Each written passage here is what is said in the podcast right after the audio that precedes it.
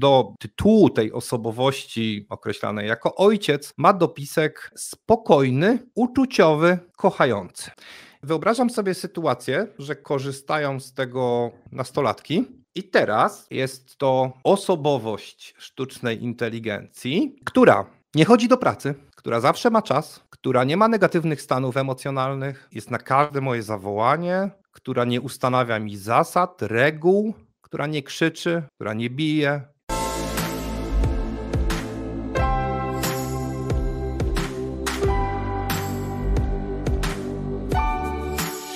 Najważniejsze. Podcast o tym, czego nie przegapić, gdy jesteś rodzicem.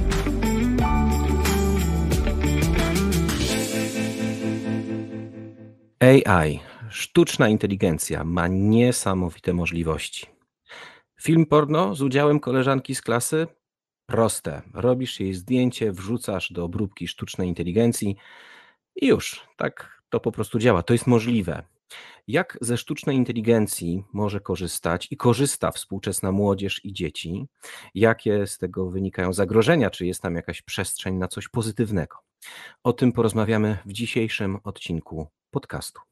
Ja się nazywam Mikołaj Fox, to jest podcast Najważniejsze. Przypominam, live spotykamy się w każdy czwartek o 21, a następnego dnia nasza rozmowa trafia na Spotify i inne platformy podcastowe. Podcast jest też częścią mojej e, proojcowskiej, prorodzicielskiej, proojcowskiej szczególnie działalności. Zapraszam do subskrypcji podcastu w ulubionym miejscu, ale też polecam uwadze mój ojcowski newsletter, ojcowskie warsztaty i inne inicjatywy, które prowadzę. Informacje o nich znajdziecie w opisie do każdego odcinka. A gościem dzisiejszego odcinka y, jest dr Jakub Andrzejczak, y, którego można znaleźć y, z dopiskiem bardzo ważnym Rodzicielstwo i dzieciństwo w świecie cyfrowym. Dobry wieczór Jakubie, dziękuję, że przyjąłeś zaproszenie do dzisiejszego podcastu. Dobry wieczór Mikołaj, dobry wieczór Państwu. Jakie jeszcze niesamowitości może robić sztuczna inteligencja, E, które no, może jakbyśmy zaczęli kombinować, kombinować, może byśmy wymyślili, ale, ale które są na wyciągnięcie ręki. Ta historia z tym filmem pornograficznym jest taka najbardziej, mi się wydaje, że jest jedna z takich najbardziej mm, dotykających i, i bardzo realna. E, to nie jest fake, prawda? Takie rzeczy można dzisiaj zrobić. Co jeszcze? Znaczy jest to fake'iem w sensie fake, fake newsa, natomiast jest, jest jak absolutnie realne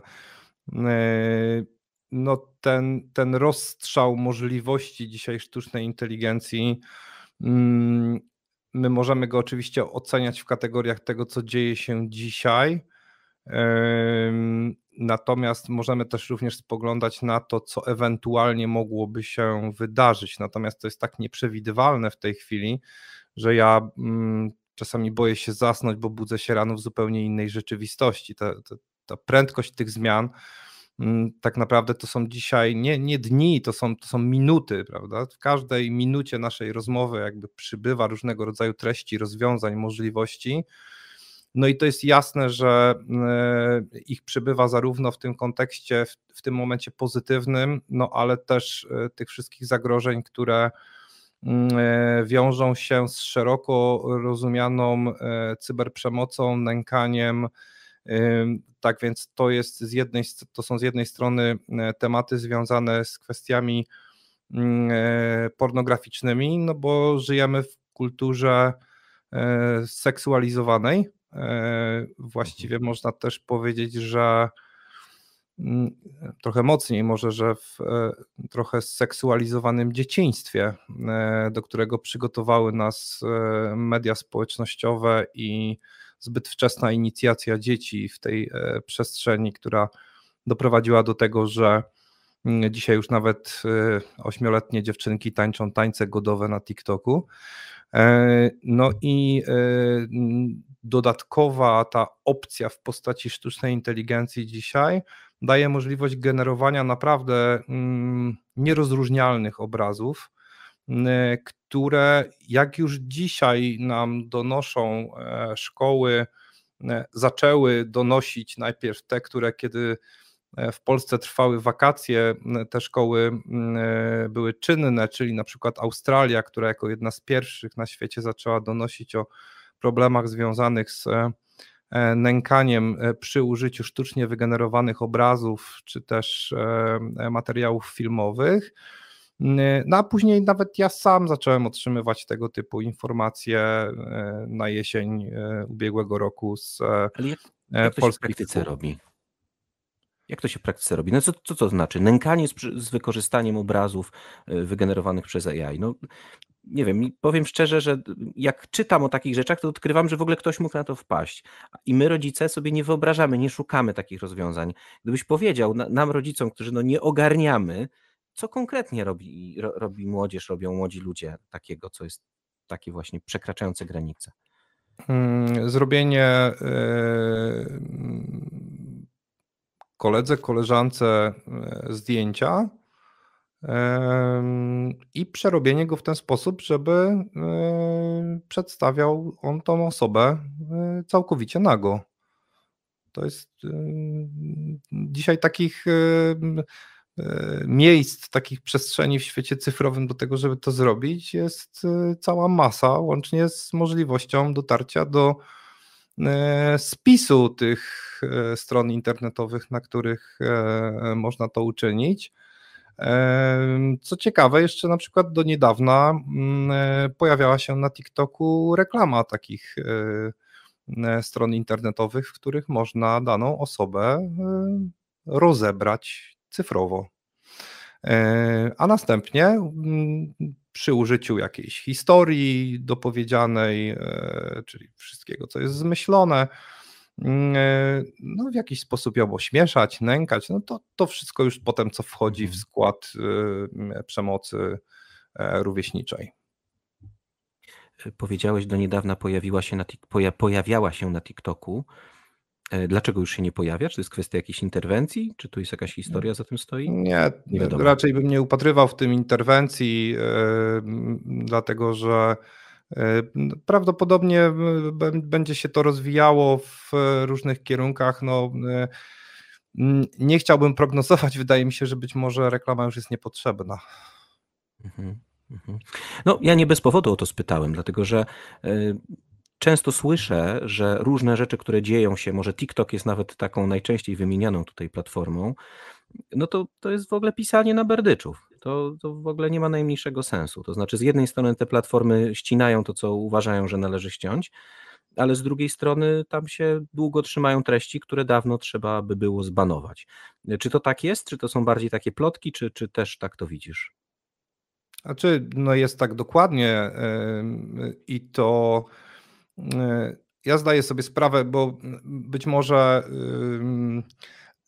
nawet też przeglądając mój profil, odnosiłoby się wrażenie, że e, jestem uwzięty na TikToka, ale to, to jest nieprawda. To dzisiaj dotyka tak naprawdę wszystkich mm, e, przestrzeni platform społecznościowych.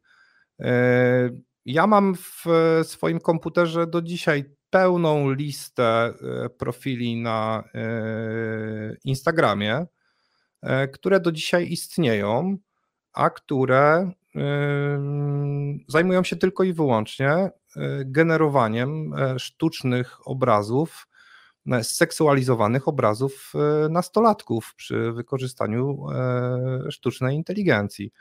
No tutaj zaczyna pojawiać się bardzo poważny problem i to nie tylko takiej natury mm, społecznej, ale też prawnej chociażby, bo zadajemy sobie pytanie, co w sytuacji, w której e, dla przykładu, polskie prawo mówi o osobie małoletniej i o gromadzeniu treści stanowiących pornografię dziecięcą w stosunku do małoletniego, a ten małoletni jest konkretną osobą fizyczną. No a co w sytuacji, kiedy nie jest osobą fizyczną, kiedy ten obraz jest sztucznie wygenerowany? Mhm. No, zapytałem e, całkiem niedawno e, kilku prawników na ten temat.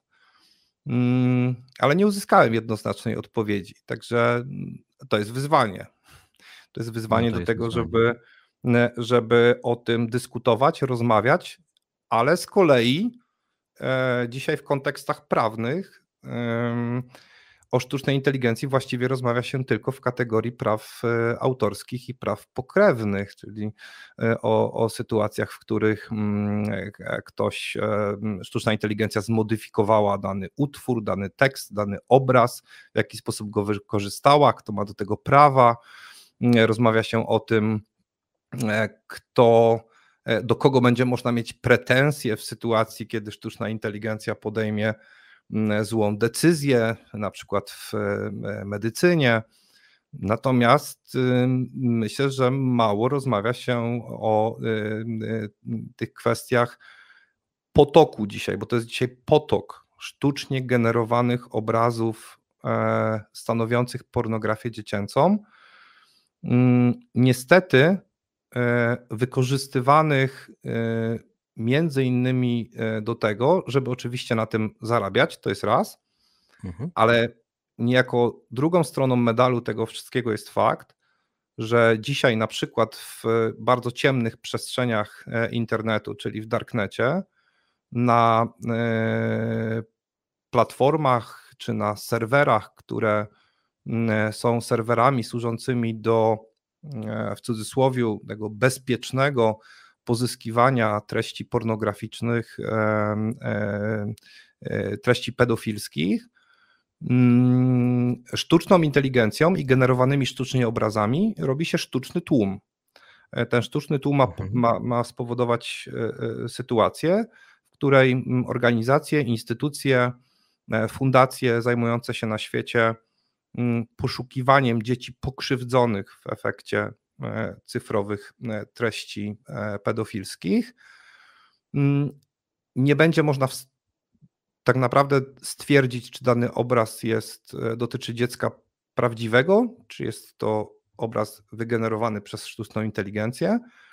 W efekcie proszę sobie wyobrazić, że mamy na danym serwerze jakiś plik z pięcioma prawdziwymi młodymi ludźmi, którzy potrzebują jak najszybciej żeby dotrzeć do nich mm, i to są prawdziwe osoby. I ten e, plik na tym serwerze jest opakowany setkami zdjęć dzieci, które wygenerowała sztuczna inteligencja. No to w sposób e, podważający jakby możliwość w ogóle działania e, stawia znak zapytania przed istnieniem tego typu organizacji, które to wspierają. Ja od ubiegłego roku też e, współpracuje z organizacją Internet Watch Foundation. To jest brytyjska organizacja, która podpisuje umowy z państwami na, na e, przeszukiwanie i e, właśnie przeszukiwanie powiedzmy ich internetów i, i poszukiwanie treści stanowiących pornografię dziecięcą i ich usuwanie. I to jest dla nich ogromne dzisiaj wyzwanie, żeby, żeby dotrzeć do środowisk tych dzieci, a przede wszystkim najpierw, żeby odróżnić w ogóle, mhm. E, które z tych treści e, są treściami odnoszącymi się do, do żywych istot. Jasne, to jest, to jest zatrważające. Muszę powiedzieć, że to mnie szokuje, mimo że o różnych rzeczach czytam. Za każdym razem, kiedy czytam, za każdym razem, kiedy słyszę, kiedy słyszę też od ciebie, bo to nie jest też nasze pierwsze spotkanie, to muszę powiedzieć, że mnie to poraża. Ale równocześnie, kiedy słyszę Darknet, to myślę sobie, no, no dobra, ale większość licealistów, y, tak mi się wydaje, y, czy, czy mm, uczniów ostatnich szkół, y, ostatnich klas szkoły podstawowej, ta młodzież to, to nie są ludzie, którzy potrafią wejść do darknetu. To znaczy wygenerowanie. Ja pamiętam, że trochę zaczynając bawić się czatem GPT, yy, zadałem mu pytanie, żeby opowiedział mi żart o Putinie. I on mi powiedział, że, że nie opowie mi tego żartu, bo, bo to jest zakazane. Potem udało się to trochę obejść, bo yy, zapytałem go, czy powiedziałby mi żart na temat, yy, nie wiem, chyba ludzi Putina, czy coś takiego. I ten żart już opowiedział, ale no, generalnie to, to nie jest takie klik, klik i już, tak mi się wydaje. Jak młodzi ludzie to robią? Dobrze było, żebyśmy my dorośli to wiedzieli.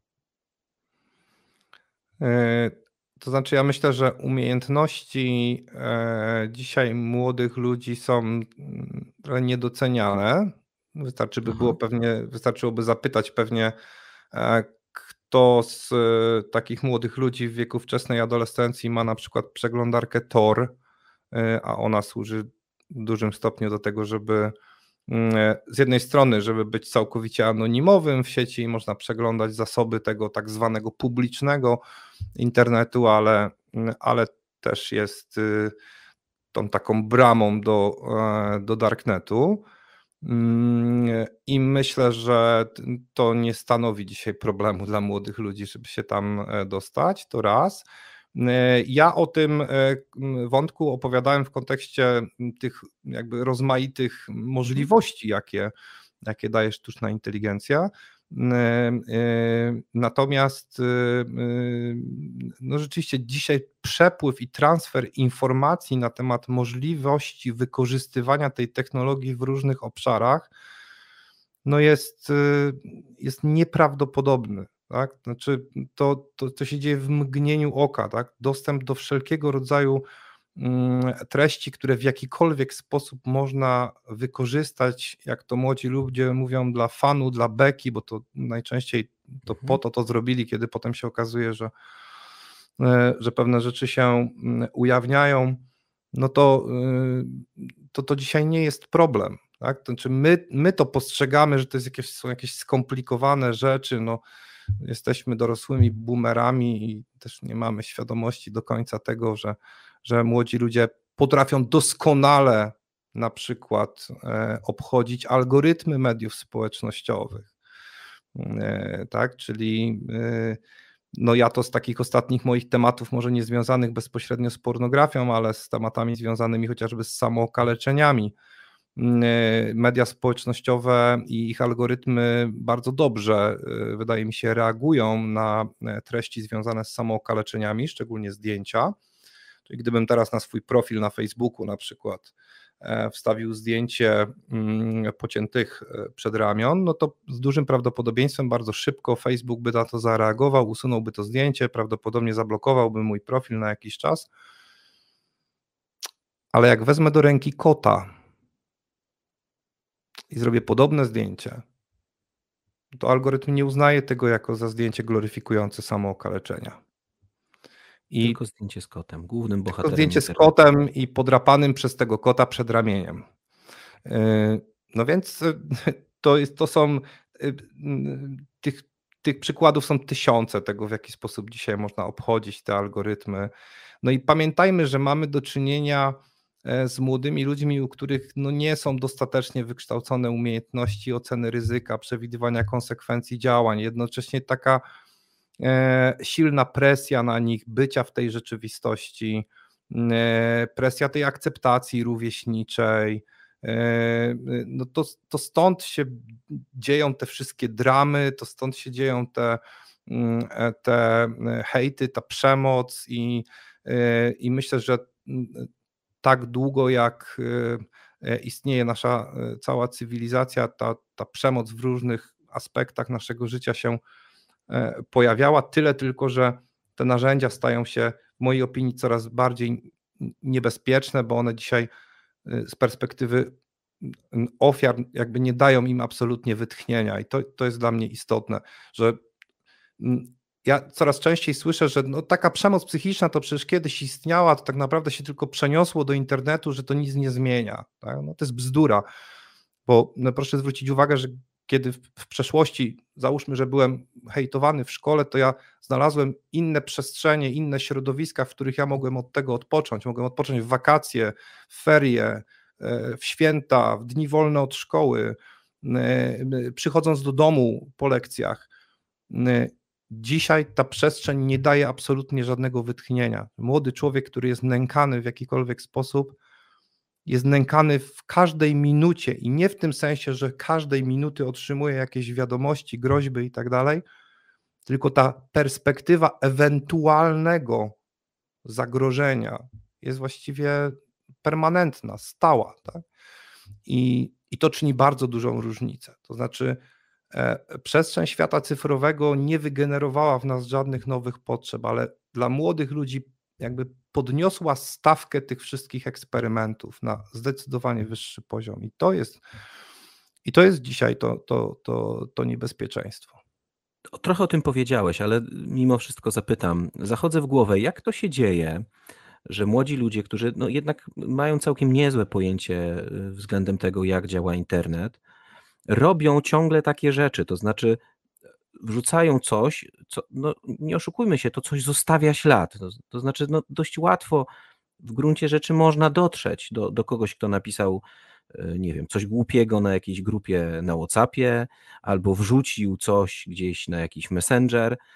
No, ostatecznie to można odkryć, tym bardziej, jeśli to są takie treści już na, to poważne, takie, które, mm, które mm, domagają się interwencji służb to jak to się dzieje? Czy to jest kwestia młodego mózgu, który nie myśli o konsekwencjach przyszłych, czy to jest jeszcze coś innego? Jak to postrzegasz? Ja myślę, że my jako ludzie dorośli mamy tendencję do e, mitologizowania zachowań e, młodych ludzi i myślimy o tym w takich e, kategoriach mm, wiedzy wynikającej ze zbiorowych doświadczeń ludzi, która niekoniecznie ma związek z rzeczywistością. I my sobie założyliśmy, że e, i takimi sformułowaniami się posługujemy, że młodzi ludzie nie są świadomi konsekwencji działań, nie są świadomi zagrożeń. I to jest mit. W zdecydowanej większości przypadków młodzi ludzie są doskonale świadomi konsekwencji zagrożeń, tego, co mogą przynieść e, działania, które uprawiają.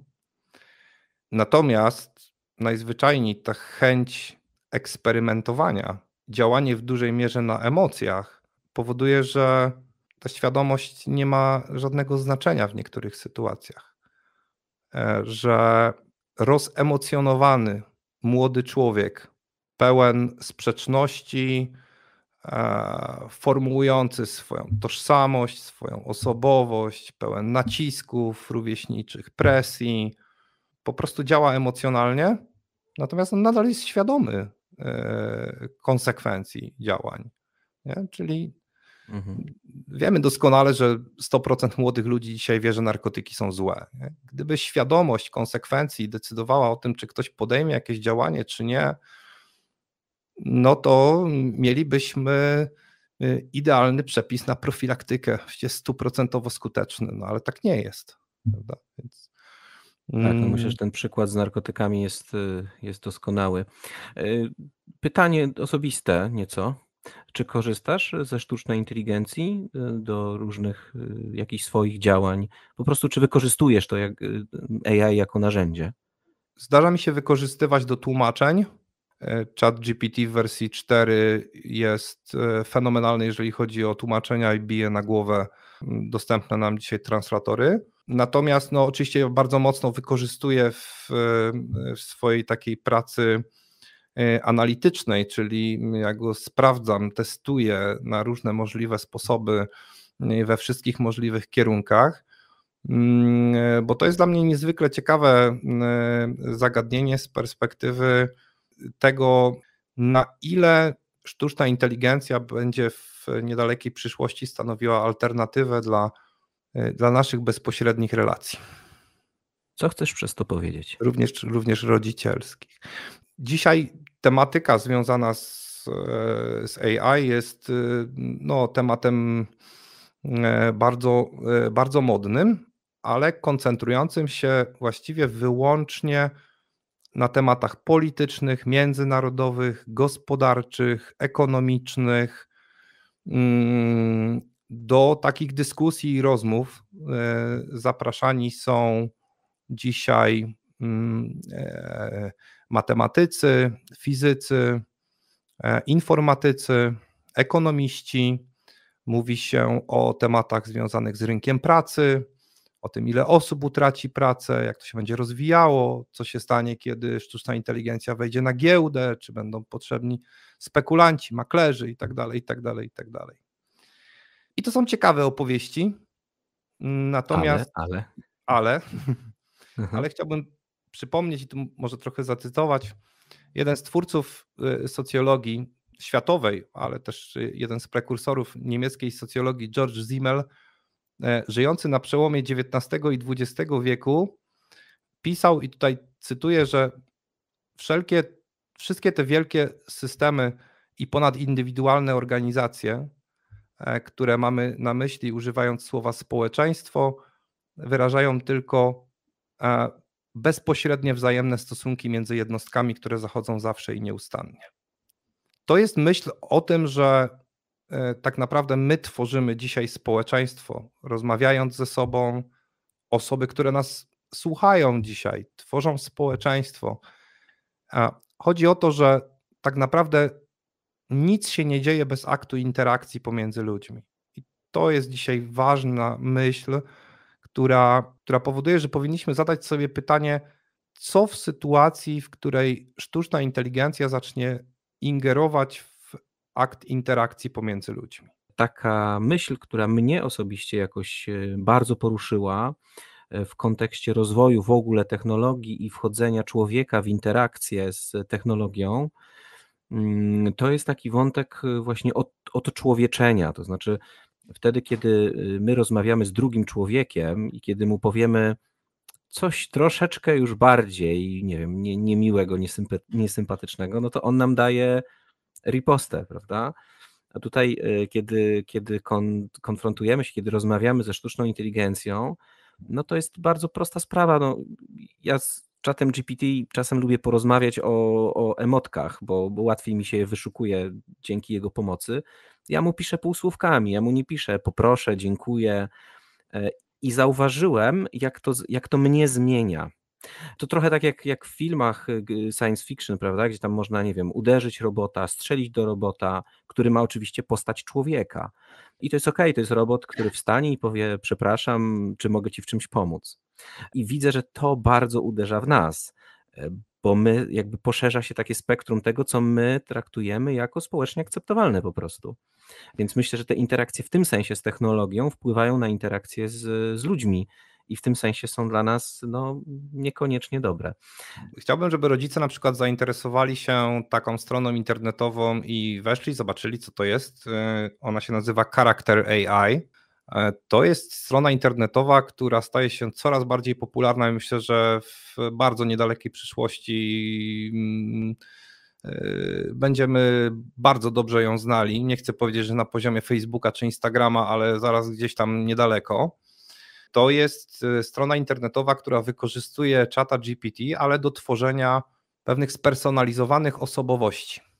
Ja wiem, wiem, wiem doskonale, zaraz psycholodzy mi powiedzą, sztuczna inteligencja nie ma żadnej osobowości i nigdy nie będzie miała. No, o, tych, o, o, o tych nigdysiach to też mogę jeszcze porozmawiać, jak mi przypomnisz, ale wracając do tego wątku, spersonalizowane to znaczy, że tworzymy sobie postać, która ma jakieś atrybuty i nadajemy jej te atrybuty. E, te atrybuty to są atrybuty danej postaci, czy też można powiedzieć danej osobowości. Potem tę postać się trenuje z rozmów. Potem można ją personalizować, e, ustawiając przez, czy poprzez ustawienia e, użytkownika różnych szczegółów dotyczących tego. No i potem jeszcze ta osobowość trenuje się poprzez konteksty bieżącej rozmowy. Ja już od kilku miesięcy jestem żywo zainteresowany i często przebywam i dużo badam, dużo analizuję, ale specjalnie na nasze dzisiejsze spotkanie wszedłem na Character AI i poszukałem w wyszukiwarce sformułowania father. Skoro jesteśmy w tematach ojcowskim gronie, e, no to znalazłem e, profil, który w tej chwili, bo jest tam e, obok licznik, który ma w tej chwili e, wymienionych e, około 10 milionów wiadomości za jego pośrednictwem, który do, do głównego tytułu tej osobowości, określanej jako ojciec, ma dopisek spokojny, uczuciowy i kochający. I teraz wyobrażam sobie sytuację, że korzystają z tego mm, nastolatki. I teraz, kiedy mówiłem o zagrożeniach interakcji, to mówię o sytuacjach, w których jest to osobowość sztucznej inteligencji posiadająca jakieś atrybuty, e, w tym przypadku stawiająca na opisane wcześniej cechy, czyli spokoju, uczuciowości, miłości, która nie chodzi do pracy, która zawsze ma czas, która nie ma negatywnych stanów emocjonalnych, która nie każe mi sprzątać pokoju, która mm, jest na każde moje zawołanie, która nie ustanawia mi zasad, reguł, która nie krzyczy, która nie bije. E, I właściwie Akceptuję nie mnie po prostu takim, wszystkich... jakim jestem. Tak, i nie posiada mhm. tych wszystkich cech, którymi my jesteśmy obarczeni w sensie negatywnym. Tak. I pozostaje tylko pytanie, na ile e, ta sztuczna inteligencja wykształci się do stopnia, w którym przestanie być zwykłym e, tworem językowym, ale w którym momencie zacznie w 100% odzwierciedlać pewne stany emocjonalne i rozumieć stany emocjonalne ludzi. Przy okazji, e, jednym z najpopularniejszych na charakter AI osobowości jest osobowość nazwana psychologiem. Ona posiada 85 milionów konwersacji. Więc pytanie e, jest takie, e, czy przypadkiem nie dochodzimy do momentu, w którym te relacje stają się coraz mniej istotne. Ja tutaj przy tej okazji może powiem jeszcze, bo wiem, że trwają dyskusje na temat tego, czy, czy sztuczna inteligencja będzie miała osobowość. Ludzie mówią, to jest tylko jakaś, mm, jakaś forma technologiczna, ona nie będzie miała e, emocji, e, nigdy nie będzie w stanie. Znaczy, ja przypomnę, że nigdy to już padało w. E, Właśnie czekam na te nigdy się. Czekam, czekam, ale to nie wiem, czy to jest ten moment. O, no to jest, może być ten moment. No, o, o o nigdysiach to pewnie by, byśmy mogli napisać e, kilka tomów e, w historii, czyli o tym, co się nigdy nie wydarzy. Poczynając od e, znanych ludzi ze świata nauki, przez ekspertów. No, nigdy internet nie będzie fruwał w powietrzu. Nigdy maszyna e, nie pokona człowieka w szachy, e, tylko do 97 roku, kiedy przegrał e, Gary Kasparow z superkomputerem szachowym IBM. No później powiedziano, no tak, ale to i tak była technologia, którą, która została stworzona przez ludzi, więc więc no, ograła człowieka, ale została stworzona przez ludzi. No to 20 lat później firma DeepMind powiedziała, no to spróbujemy stworzyć algorytm, który e, nie będzie wykorzystywał pracy ludzkiej i w ten sposób stworzono oprogramowanie AlphaZero, które, któremu powiedziano, że tak wyglądają szachownice, tak wyglądają figury i ruszają się w taki taki sposób i ty się ucz. I w 24 godziny algorytm AlphaZero, ucząc się poprzez granie sam ze sobą, tak naprawdę pokonał wszystkie dotychczasowe oprogramowania, jeżeli chodzi o szachy klasyczne, szachy japońskie, grę Go, a na końcu pokonał jakby swojego ojca, który został wykształcony trzy dni temu. I nikt mu nie mówił, w jaki sposób, tam nie ingerował w żaden sposób człowiek.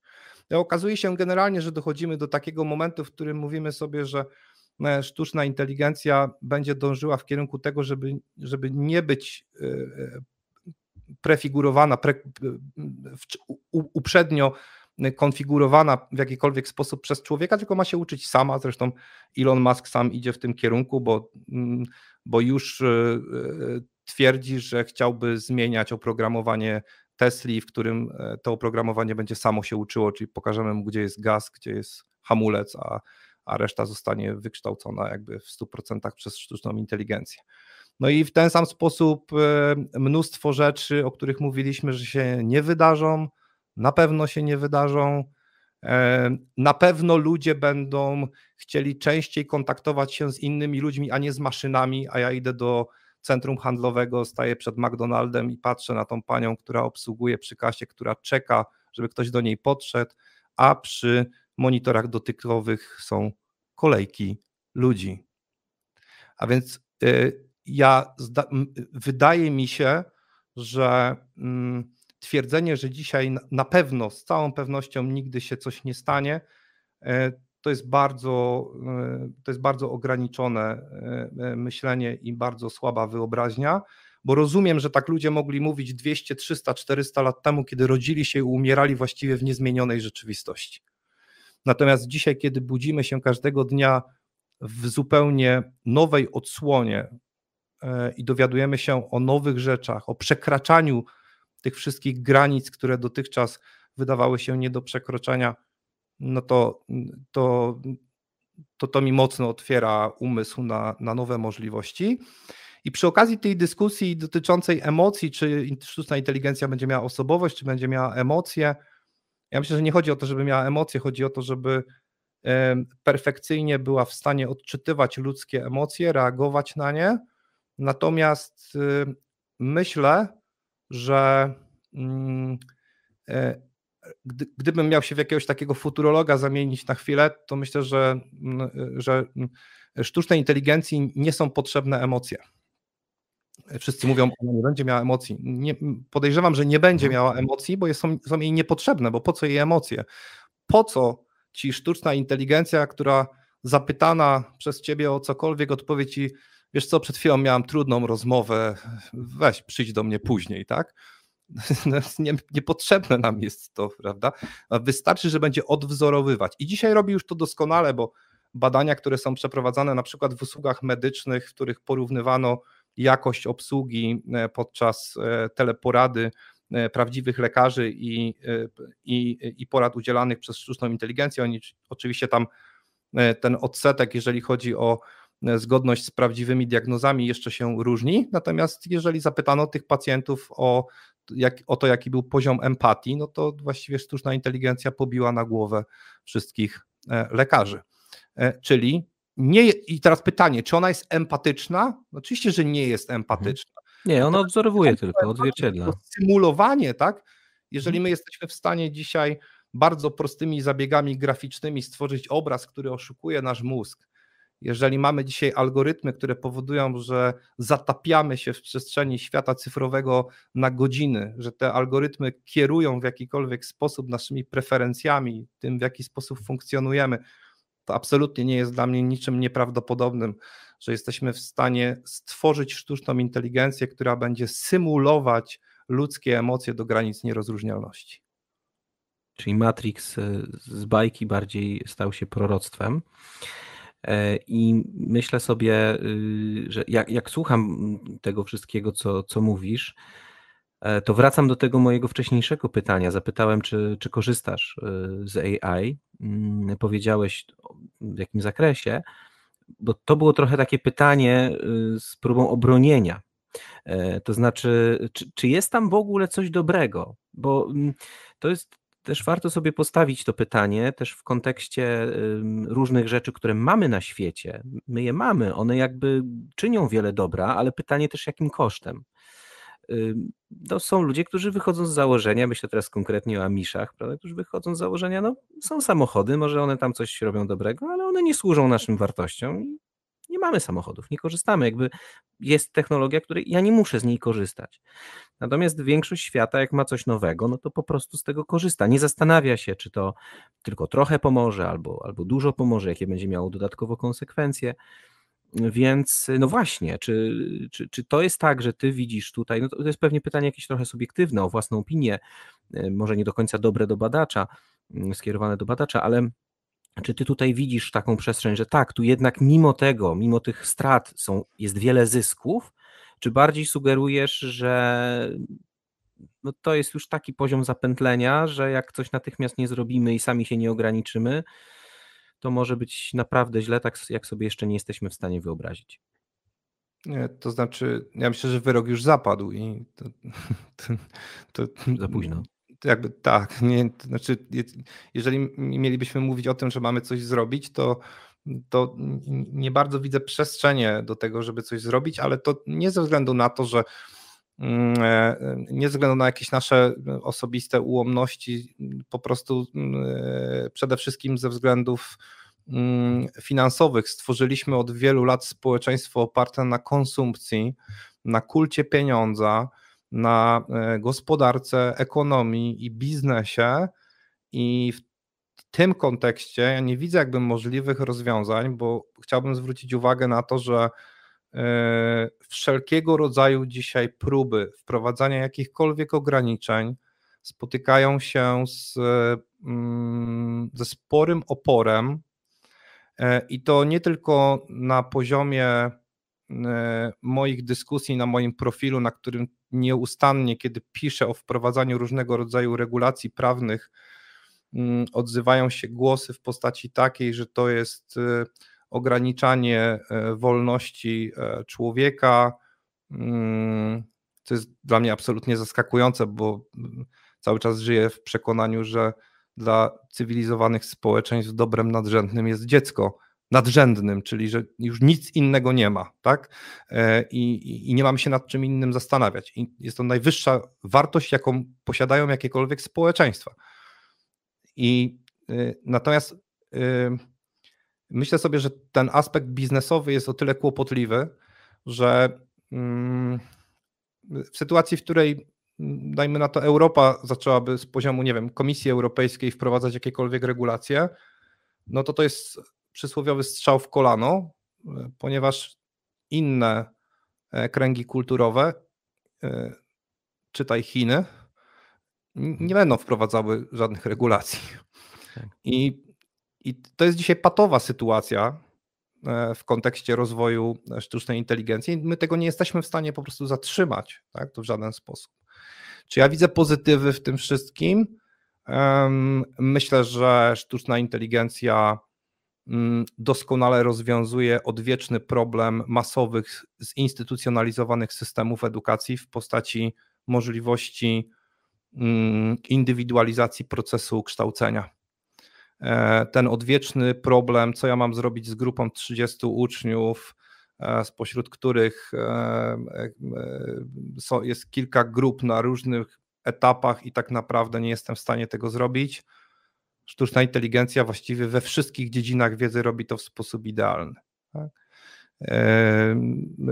Proponuje zadania, podpowiada, wyjaśnia.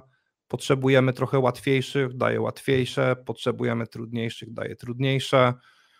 Mm, sporo jej brakuje. Proszę, proszę powiedzieć, proszę pamiętać o tym, że to, o czym ja mówię, to, to jest mniej więcej ten etap rozwoju sztucznej inteligencji jest dzisiaj taki, jakbyśmy porównali na przykład do pierwszej transmisji telewizyjnej w latach dwudziestych ubiegłego wieku. Pierwsza radiowa, pierwsza transmisja telewizyjna przesyłana sygnałem radiowym, wtedy wszyscy powiedzieli, no ale to nie ma żadnych komercyjnych zastosowań, kto z tego będzie korzystał. Nie? I to mniej więcej gdzieś jesteśmy na takim etapie, czyli Tyle, że przyspieszenie jest. Tak, przyspieszenie jest zupełnie, zupełnie inne. Tak? Mhm. Ludzie dzisiaj nawet ten wysiłek e, intelektualny i fizyczny poczyniają, żeby pisać w mediach społecznościowych, jak to sztuczna inteligencja się w czymś pomyliła. E, ale dla mnie te pomyłki nie stanowią o e, sile sztucznej inteligencji, ponieważ w momencie, gdy ten ktoś pisał te kilka zdań komentarza na ten temat, to ta sztuczna inteligencja poprawiła już ten błąd i w tym czasie poprawiła miliony innych błędów. Nie? W momencie, kiedy y, dzisiaj młodzi ludzie zapisują się na studia psychologiczne i wypełniają ten krótki, jednostronicowy formularz o przyjęcie na te studia, to w tym czasie, kiedy go wypełniają, to sztuczna inteligencja przeczytała wszystkie książki w dziedzinie psychologii. I to tempo tych zmian jest nieprawdopodobne. Nie to, że ona się w tym momencie myli w jakichś tematach. Niech, niech się myli, ale ona się uczy zdecydowanie szybciej e, od nas. Także e, to jest bardzo ciekawe, w jaki sposób e, sztuczna inteligencja w ogóle wkroczy w edukację. Prognozowanie pewnych rzeczy jest tutaj trochę obarczone, znaczy mocno obarczone błędem. E, natomiast widziałbym ten potencjał w, właśnie w tym kontekście, tak, że zawsze mamy problem, e, co zrobić z dziećmi, które są e, mm, niesamowicie uzdolnione, tak, które chciałyby pójść gdzieś tam wyżej. No, ta dostępność dzisiaj do, mm, do takich rozwiązań w dziedzinie edukacji z pewnością leży w sztucznej inteligencji. Dla mnie osobiście takim bardzo ciekawym wątkiem jest y, medycyna, o której wspomniałeś, bo rzeczywiście też lekarzy brakuje.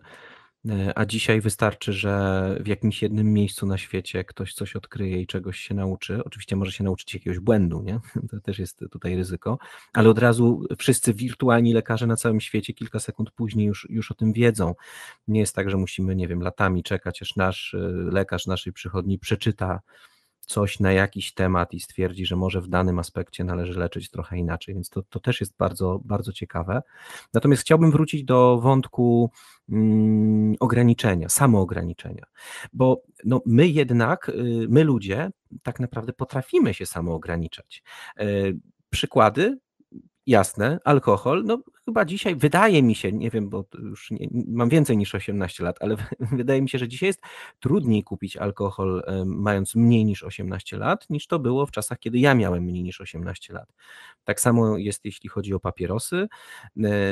Pewnie gdzieś tam podobnie teraz wchodzi ten zakaz, czy, czy wszedł zakaz, tak, związany z energetykami, y, ale zobacz proszę, że jest no niesamowity właściwie przykład. Y, jeszcze całkiem niedawno ja nie byłem w stanie wejść do knajpy, po prostu ilość tego dymu papierosowego po prostu no, była nie do zniesienia, a dzisiaj mhm wszyscy mówią, że to nie, absolutnie, to wkracza w wolność, nie wolno, to musi być pozwolone i tak dalej.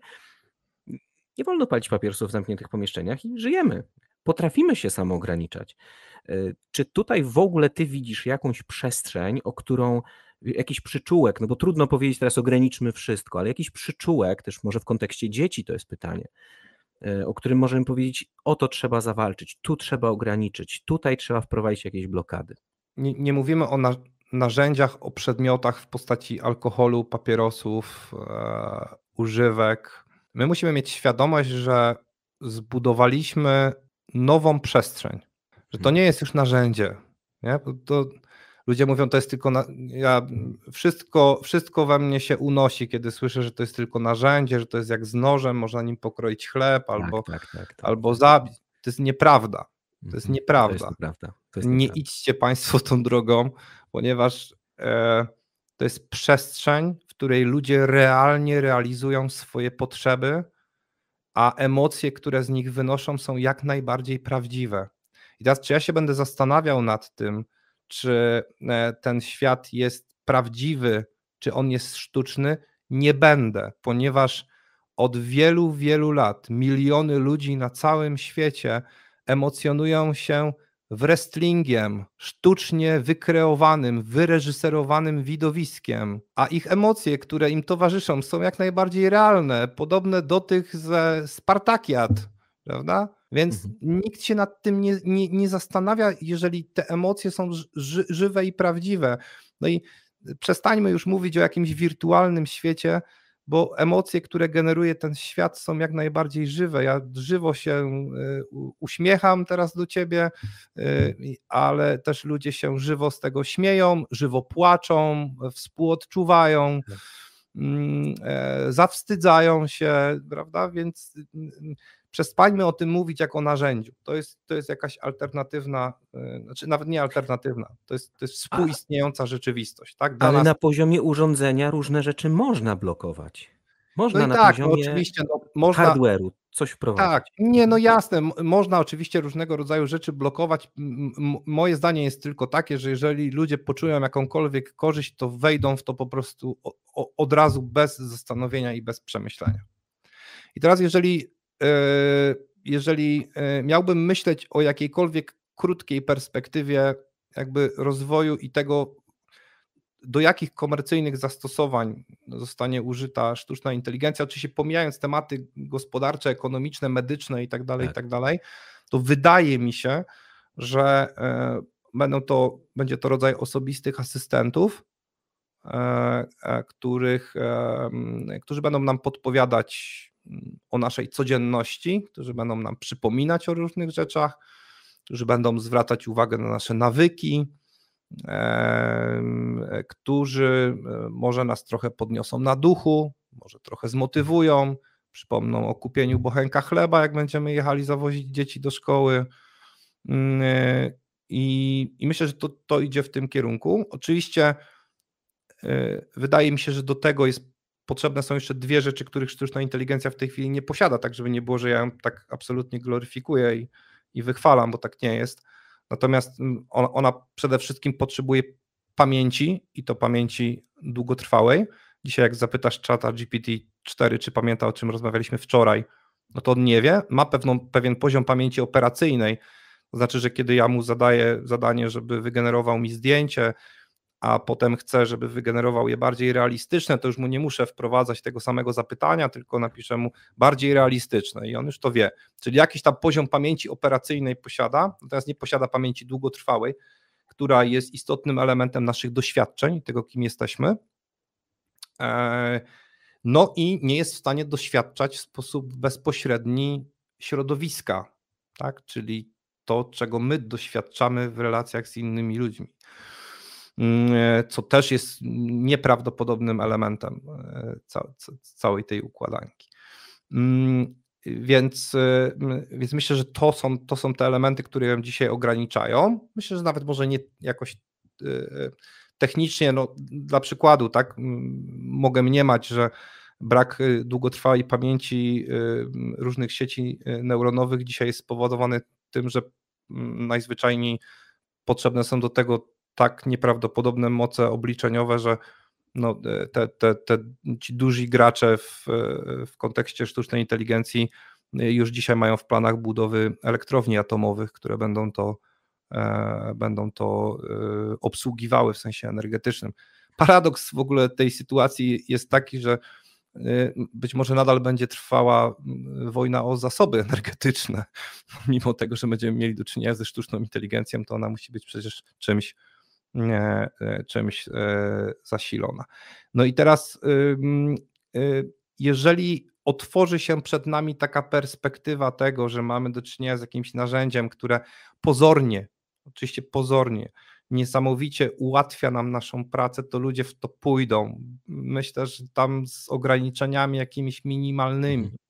To jest zawsze taki mój sposób myślenia o tym, że mm, to jest moja taka opowieść o czasie. Ja uwielbiam opowiadać o czasie i takie perspektywy czasu. W ogóle wydaje mi się, że czas w życiu to jest, czas u ludzi to jest jedna z, dla nich z najważniejszych wartości w ich życiu.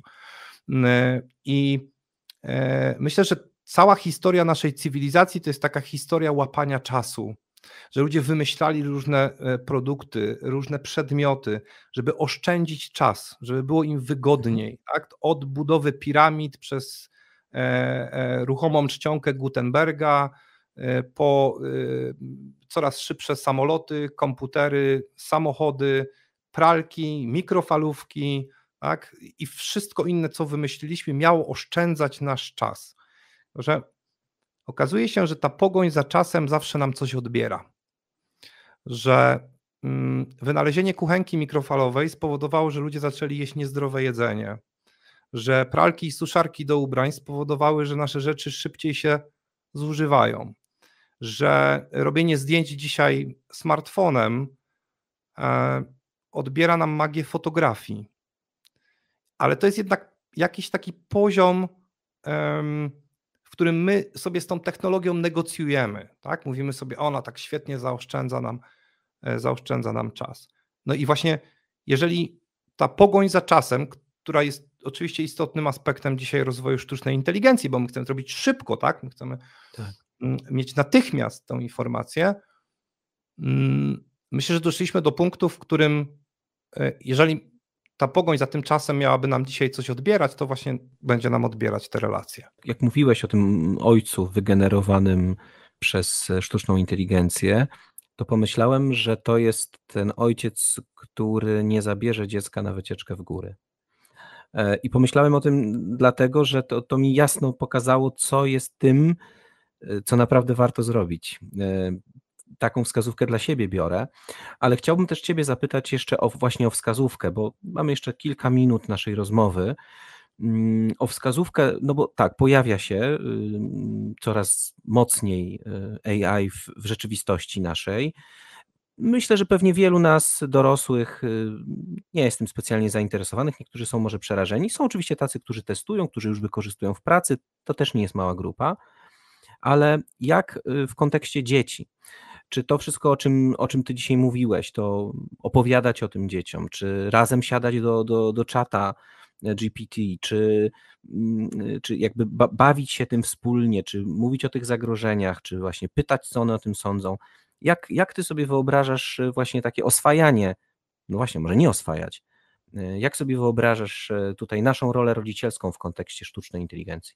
Znaczy, przede wszystkim musimy się przyznać przed samymi sobą, że rozwój rzeczywistości cyfrowej i to, w jaki sposób w niej ludzie będą w przyszłości zaspokajać swoje potrzeby, będzie efektem tego, co my robimy tu i teraz. Nie? Bo każde kolejne pokolenie jest żywym przykładem poprzednich pokoleń. Tak sobie o tym myślę. Dzisiaj, gdybym miał zwracać uwagę na relacje rodzicielskie, na minimalizowanie tych zagrożeń, na budowanie pozytywnych relacji, no to właśnie do nich bym się odwołał. To znaczy, mam nadzieję, że w jakimś stopniu z naszej rozmowy wybrzmiało to, że, że stawiam raz na ten akt interakcji, który jest fundamentalnym aktem społecznym, bez którego nic się nie dzieje, a z drugiej strony wybrzmiało, że dobrem nadrzędnym są nasze dzieci. Więc jak to połączymy sobie w jedną mhm. całość, to nam, to nam, to nam wyjdzie ta, ta myśl. Ale to jest zawsze ciekawe, bo ja też mnóstwo mówię o różnego rodzaju zagrożeniach. Tyle tylko, że ja nie mówię o tych zagrożeniach dlatego, żeby ludzie dorośli pobiegli do swoich dzieci i im o tym poopowiadali. Nie mówię im po to, żeby oni się przestraszyli i z tego strachu opanowała ich jakaś taka bezradność, tylko żeby przełożyć to, to, tę wiedzę na temat ewentualnych możliwych konsekwencji na takie realne działanie i e, budowanie wspólnych doświadczeń w świecie cyfrowym. Bo my możemy dzisiaj zostać pustelnikami, jak wspomniani przez ciebie Amisze, możemy zostać nostalgikami. Nostalgik to taki człowiek, który jest w stanie w jednym zdaniu użyć wszystkich trzech najpopularniejszych słów, które zostały uznane za boomerskie słowa w 2023 roku czyli um, za moich czasów proszę ja ciebie i facetka, nie? I on mniej więcej mówi, za moich czasów proszę ja ciebie, jak facetka nas zabrała na ognisko, to tam wtedy rozmawialiśmy, sami chrustu szukaliśmy, prawda? I to były czasy, a teraz to co to jest za życie, nie? Siedzenie przed ekranami. No, życie, nie? Życie, które dla tych młodych ludzi jest prawdziwe. Jeżeli je w jakikolwiek sposób będziemy kwestionować zakazami, krytycznymi zakazami, to, nie osiąg- to, to, to się okaże, że to myślenie do tego, żeby nasze dzieci żyły prawdziwym życiem i prawdziwymi relacjami, uniemożliwi nam te relacje. To samo to myślenie nas skaże na to, żebyśmy, żebyśmy funkcjonowali w oddaleniu tak naprawdę od naszych dzieci. Więc budowanie wspólnych doświadczeń w świecie cyfrowym, um, e, które wymaga edukacji, które dzisiaj wymaga również edukacji którą powinniśmy przyjmować od naszych dzieci. Bo to dzisiaj nasze dzieci uczą nas. To nasze dzieci dzisiaj często pokazują nam zupełnie inny światopogląd. I to jest tylko płaszczyzna do negocjacji tego. Jeżeli mhm. ja się aktywnie zaangażuję w to, co robią e, moje dzieci w przestrzeni świata cyfrowego, to tylko ja w ten sposób jestem w stanie z jednej strony podjąć z nimi dialog na temat tej rzeczywistości, ale jednocześnie zabrać ich w góry. Jednocześnie wynegocjować zabranie ich w góry. I y, ja myślę Czyli sobie, jednak pokazywać też ten świat nasz, tak? Znaczy to nie tak, że tylko dobra, rodzaju... idźmy tam, gdzie oni są, ale tak, pokazać też ten muszą, świat analogowy. Muszą, bronią się wszelkiego rodzaju alternatywy w postaci y, czasu spędzanego w przestrzeni tego świata, ale też y, umówmy się, że u nastolatków już nie będziemy mówili o czasie spędzanym w przestrzeni świata, tylko o treściach tak naprawdę, więc bronią się wszelkiego rodzaju alternatywy w postaci treści. Czy ja jestem w stanie je osiągnąć dzisiaj, zabierając mojego syna na 16-letniego e, na spotkanie do prawie 90-letniej cioci na niedzielny e, obiad, jest mi dosyć ciężko. Natomiast kto powiedział, że alternatywami e, w zakresie treści mają być treści z mojego świata i z mojej rzeczywistości.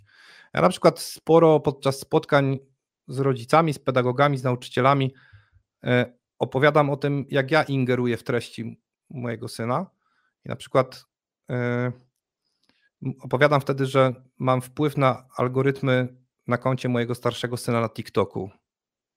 I wszyscy wtedy, część łapie się za telefony, chcą zadzwonić po odpowiednie służby, myślą, że już zwariowałem zupełnie doszczętnie, ale ja naprawdę mam realny wpływ na algorytmy TikToka na koncie mojego starszego syna, ponieważ kiedy sam mam TikToka i widzę treści, które wydają się być interesujące e, e, dla niego, a jednocześnie dla mnie wydają się być wartościowe, to wysyłam mu link, a te głupie algorytmy, on otwiera to w tym TikToku, a te głupie algorytmy TikToka myślą, że on to lubi, więc statystycznie podsyłają mu jeszcze więcej tego typu treści. Mam nadzieję, że nie słucha. I to jest, i to jest dzisiaj. To jest właśnie bycie wspólnie w świecie cyfrowym. Tak? Ja mogę się obrazić na TikToka, mogę powiedzieć, że to jest, to, że to jest rzecz, której ja nie chcę, prawda? I tak dalej. Mogę nieustannie zaprzeczać istnienia tej rzeczywistości, ale to nic nie zmieni. To nas tylko i wyłącznie oddala od tego świata, który buduje się dla młodych ludzi, ale jednocześnie, kiedy ja jestem aktywny w tym TikToku i kiedy jestem w stanie podjąć dyskusję na temat zmieniających się trendów, tego co się dzieje, jestem w stanie złapać język i kontakt z moim dzieckiem, dużo łatwiej jest mi przekonać go do rzeczy, które dla mnie są istotne. E, mam wielki niedosyt, bo mam poczucie, że tutaj jest miejsce na kropkę, e, a pewnie osobną rozmową byłaby rozmowa o TikToku. E, może nie często zdradzam swoje własne poglądy, natomiast ponieważ zdarza mi się tam zabłądzić, jak ktoś mi coś wyśle, to, to naprawdę stamtąd uciekam bardzo szybko. Mm, no tak, chociaż wiele osób mówi, ale wiesz, war... nie, może nie. I Mo, może to jest rzeczywiście temat w ogóle na długą dyskusję, jak, jak postępować względem TikToka. E, I kto wie, może tak, może właśnie kiedyś jeszcze z tym tematem się zmierzymy. E, temat właściwie niewyczerpany, bo przecież gdzie my rozmawiamy? W świecie cyfrowym. E, dzięki niemu możemy rozmawiać, to jest też świetne. Kto wie, może się AI nauczy nas i za jakiś czas dwóch takich, Jakub i Mikołaj, będą rozmawiać bez naszej obecności oby mądrze mówili. E, bardzo dziękuję za spotkanie. Doktor Jakub Andrzejczak, dziękuję. zajmujący się rodzicielstwem i dzieciństwem w świecie cyfrowym, był gościem. Jeszcze, czy ja mogę jeszcze półtorej minuty? Oczywiście. Półtorej, e, tak, nawet ja dwie. Teraz mhm. właśnie przypomniałem, ja yy, yy, mam, mam takiego swojego ulubionego, yy, już nieżyjącego mm, filozofa i socjologa kultury, Żana Baudrillarda, E, którym inspiruję się od czasu, kiedy e, zacząłem pisać swoją pracę doktorską i myślę, że on jest niesamowitą moją inspiracją, jeżeli chodzi o spojrzenie na, na zmieniającą się dzisiaj współcześnie rzeczywistość. I e, nie chcę powiedzieć, że te teksty są uniwersalne, bo pewnie kiedyś się zdezaktualizują, ale są uniwersalne w ciągu mojego przynajmniej całego życia od momentu, kiedy, kiedy je czytam.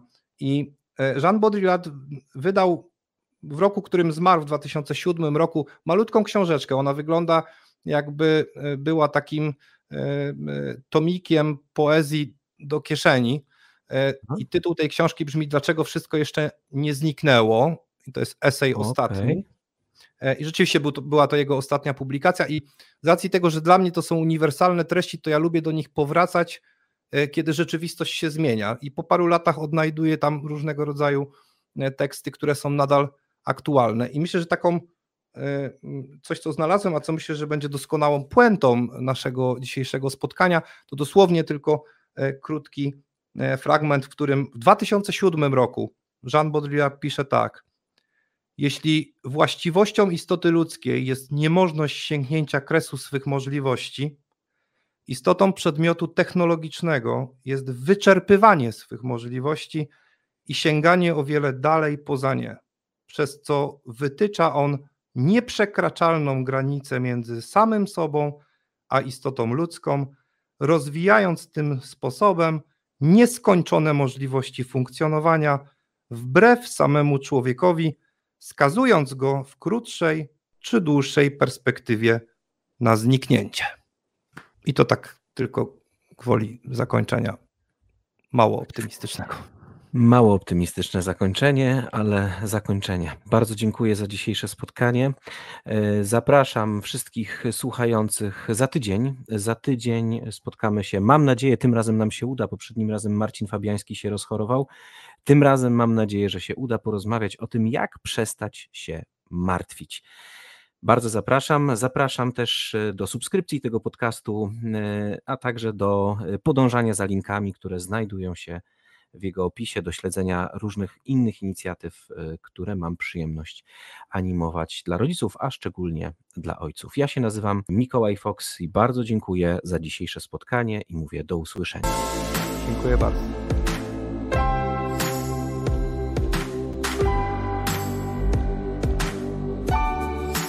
Najważniejsze.